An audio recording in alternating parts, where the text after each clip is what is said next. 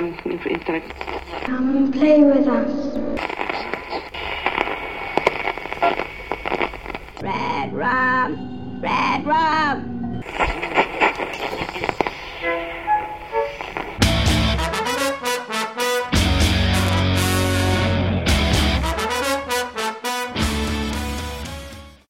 Witam serdecznie. Dzisiaj porozmawiam sobie o książce Rage. Jest to pierwsza wydana powieść Richarda Bachmana, opublikowana we wrześniu 1977 roku. Opowiada o uczniu, który po zastrzeleniu dwójki nauczycieli przetrzymuje 24 szkolnych kolegów w klasie. Jest to też powieść legenda, z tym, że problem tkwi w tym, że ta cała legendarność nie jest oparta na treści książki, a na otoczce, która powstała wokół niej. I zacznę może odrobinę od historii. Mam tutaj takie świetne opracowanie Buriala, które przygotował na zeszłoroczne Dni Fantastyki, gdzie wraz z nim zaprezentowałem punkt programu Richard Bachman Życie, twórczość i śmierć niezbyt miłego faceta. I grzechem byłoby nie skorzystać z tych notatek, bo po pierwsze jest to bardzo dobre opracowanie, a po drugie e, znajduje się tu kilka ciekawostek, o których e, niekoniecznie ogólnie wiadomo. To po kolei. King zaczął pisać książkę w latach 60. Już w roku 1966 pracował nad dwoma powieściami. Jedną z nich był Wielki Marsz, a drugą Getting It On. Mm, jest to pierwotny tytuł e, książki Rage. Kilka lat później, zachęcony sukcesem sprzedanych opowiadań, postanowił spróbować szczęścia w dłuższej formie. Getting It On miał zostać wysłany do wydawnictwa Doubleday. King uważał, że wydawca, który wydał powieść Lauren Singer, The Palarax View, będzie zainteresowany jego prozą. Mając już doświadczenie z wydawcami, gdyż wcześniej wysłał nieukończoną jeszcze powieść Sword in the Darkness, zdecydował się na dość oryginalne posunięcie. Nie wysłał powieści tak jak każdy na adres wydawnictwa, tylko napisał list do redaktora powieści Singer, który w tym czasie e, zdążył już odejść z Doubleday. E, list trafił do nowego opiekuna Loren Singer, Williama Thompsona, e, który odpisał Kingowi, żeby przysłał swoją powieść. Według Thompsona Getting It On to, i tu cytat, majstersztyk jeśli chodzi o studium charakteru i suspensu ale było ciche, celowo klaustrofobiczne i, i, okazało się, że ciężko je sprzedać w wydawnictwie.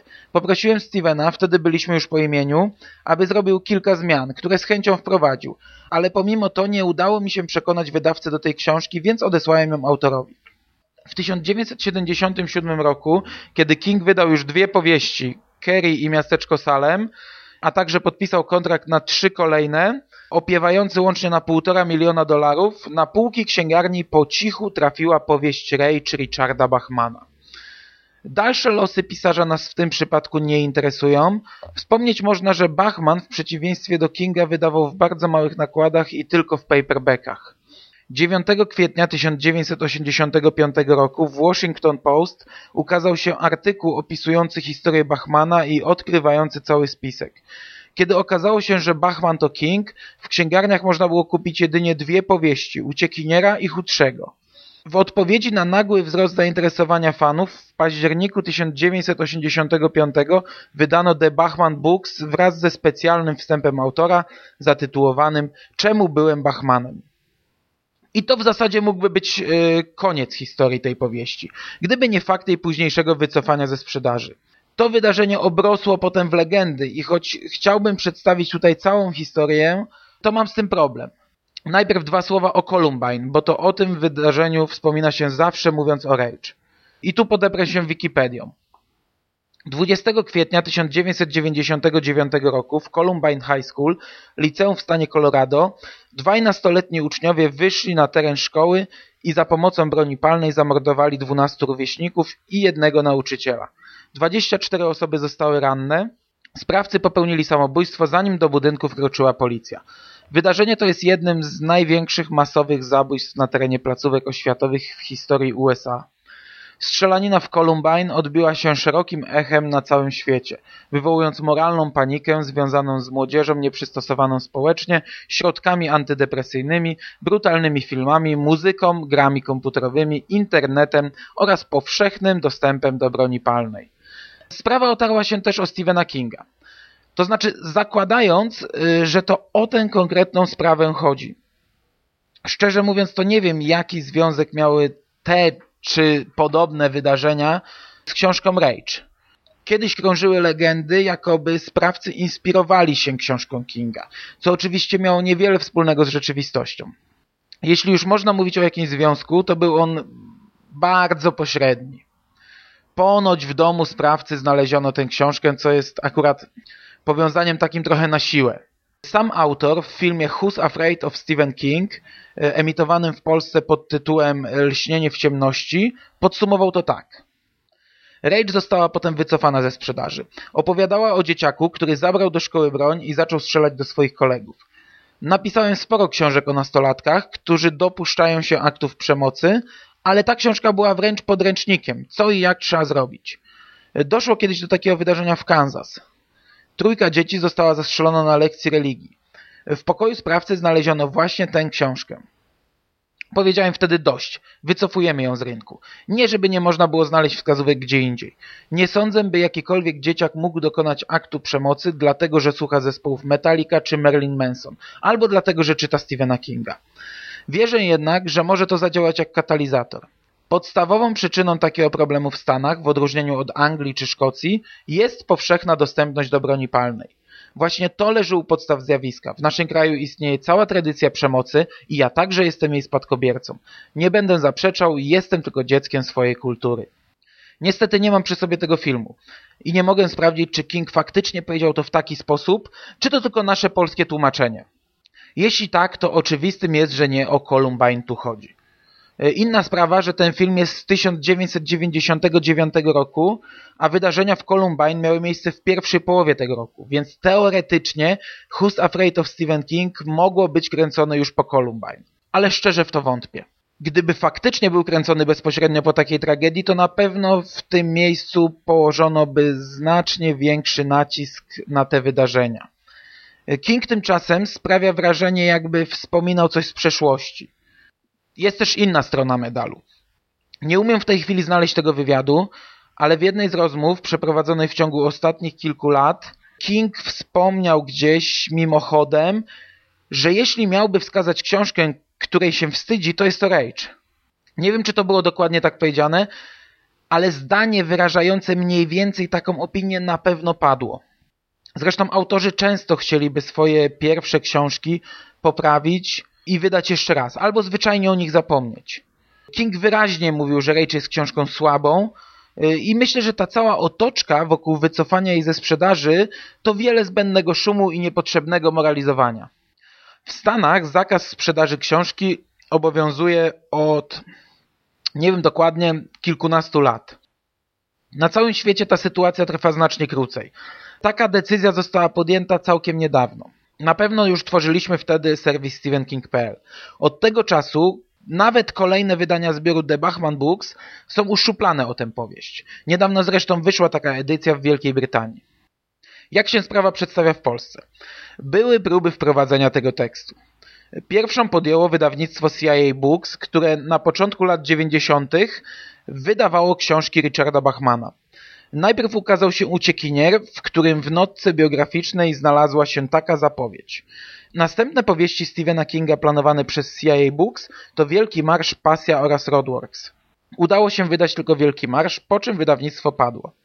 Przez lata nie dawało mi to spokoju, no bo skoro był już polski tytuł Rage, to może, ale tylko może gdzieś tam u kogoś na dysku spoczywa oficjalny polski przekład całej książki.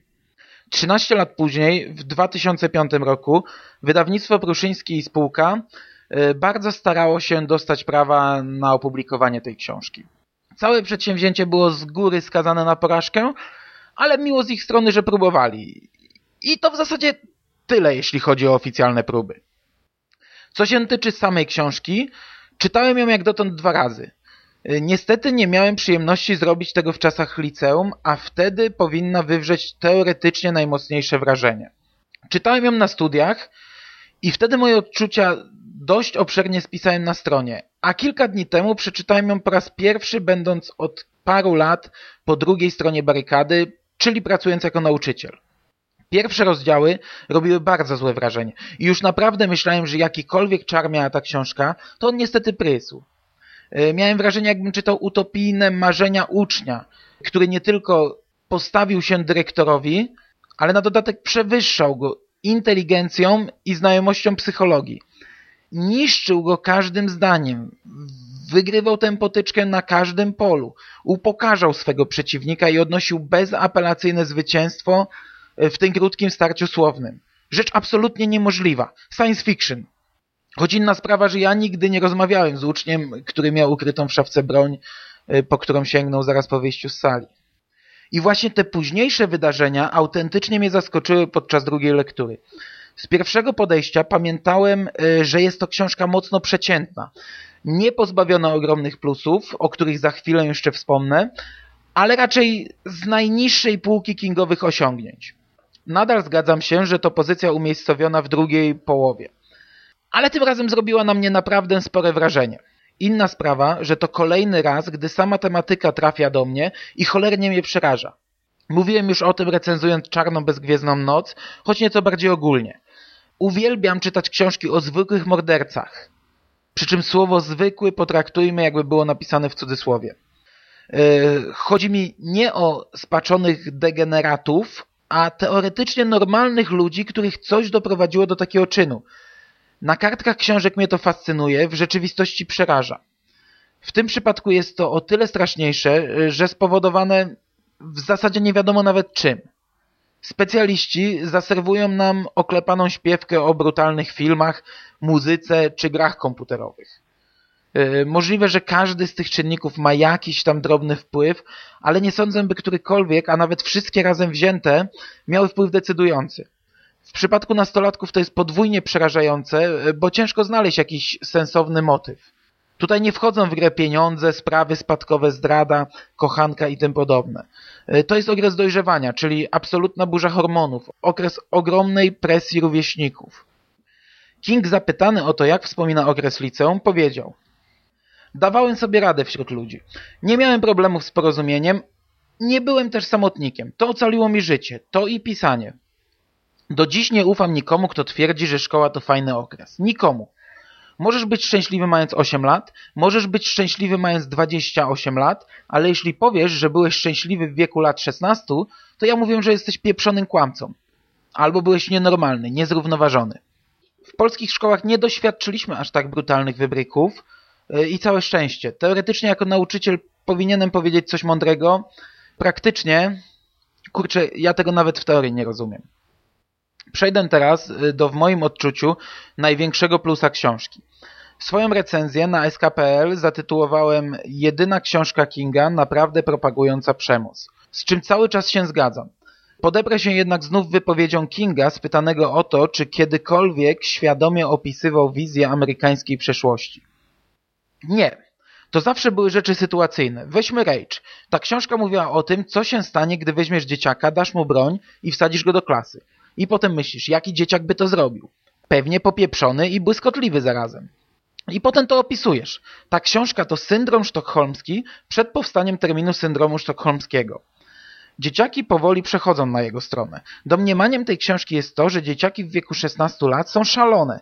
Przede wszystkim szalone. I myślą, że takie są. I tu docieramy do najważniejszej kwestii. I sądzę, że jeśli miałby być jakiś szlachetny powód usunięcia Rage ze sprzedaży, to tkwi on właśnie tutaj. Nie jest istotne, czy ktoś w rzeczywistości zainspirował się tą książką. Nie jest istotne, czy mówimy o Columbine, czy o jakimkolwiek innym podobnym wydarzeniu. Istotne jest to, że książka mogła i cały czas może posłużyć jako inspiracja. Rage napisał dzieciak, a chyba tylko dzieciak zdolny jest do takiego gloryfikowania przemocy. W żadnej innej historii Stephena Kinga nie ma takiej sytuacji, byśmy kibicowali normalnemu mordercy. Przez określenie normalny rozumiem zwykłego kolesia. No bo można lubić Pennywise'a, można lubić Randala Flaga, ale to zupełnie inna sytuacja. Za każdym razem, gdy King przedstawiał historię jakiegoś szaleńca z naszego świata, to pokazywał go w negatywnym świetle. Jedynym wyjątkiem był Rage. Tutaj mamy historię z naszego życia. Historię ucznia, który przyszedł do szkoły z bronią i rozpieprzył łby dwóch nauczycieli, po czym usiadł za biurkiem matematyczki y, z jej trupem przy nogach i poprowadził klasyczny szkolny dzień. Zakończył lekcję o określonej godzinie i nawet na koniec podsumował wraz z klasą to, czego się nauczyli. Co ciekawe, oni wyciągnęli całkiem sporo z tego dnia. Charlie Decker nie trzymał swoich kolegów z klasy jako zakładników. W trakcie książki jest świetna scena, gdy dziewczyna wychodzi do ubikacji i ona nie ucieka, a wraca na swoje miejsce, by dalej uczestniczyć w lekcji. My natomiast autentycznie kibicujemy głównemu bohaterowi. Słuchamy jego opowieści i opowieści reszty uczniów i tylko czasem przypominamy sobie o zwłokach, które cały czas leżą na ziemi i za które prędzej czy później będzie trzeba zapłacić. Charlie Decker był, i tu chciałbym powiedzieć, że był dzieckiem z problemami.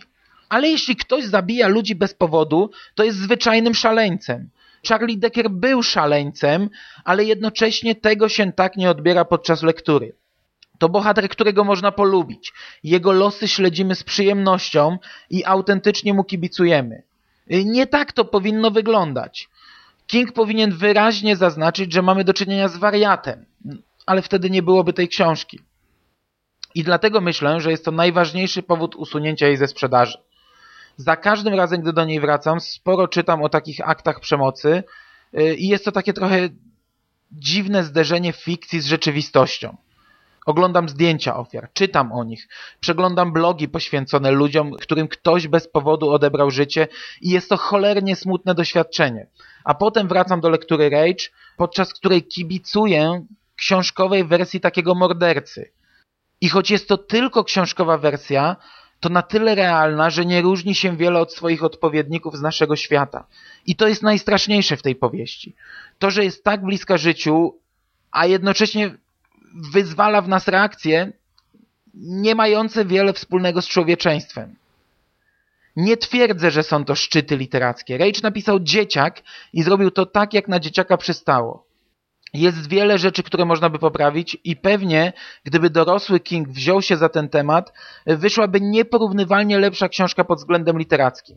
Zapewne taka książka nadal działałaby na mnie mocno, bo sama tematyka tak na mnie oddziałuje, ale wydaje mi się, y, że dorosły King nie umiałby uchwycić w tej książce tego, co najważniejsze. I patrząc choćby na finał pod kopułą, obawiam się o jego próby umoralniania tej opowieści. Dobrze się stało, że napisał to w takim okresie swojego życia. Może kto inny umiałby przedstawić to bardziej szokująco, spektakularnie i, i nawet ciekawiej, ale mimo to uważam, że Rage jest książką dobrą. I to nie tylko jako ciekawostka. Ja czerpałem sporą przyjemność z lektury, a że nie jest to to długie, to i zmęczyć czytelnika nie zdąży. Na pewno jeszcze kiedyś wrócę do tego tytułu y, i może za kilka lat znów odbiorę to nieco inaczej.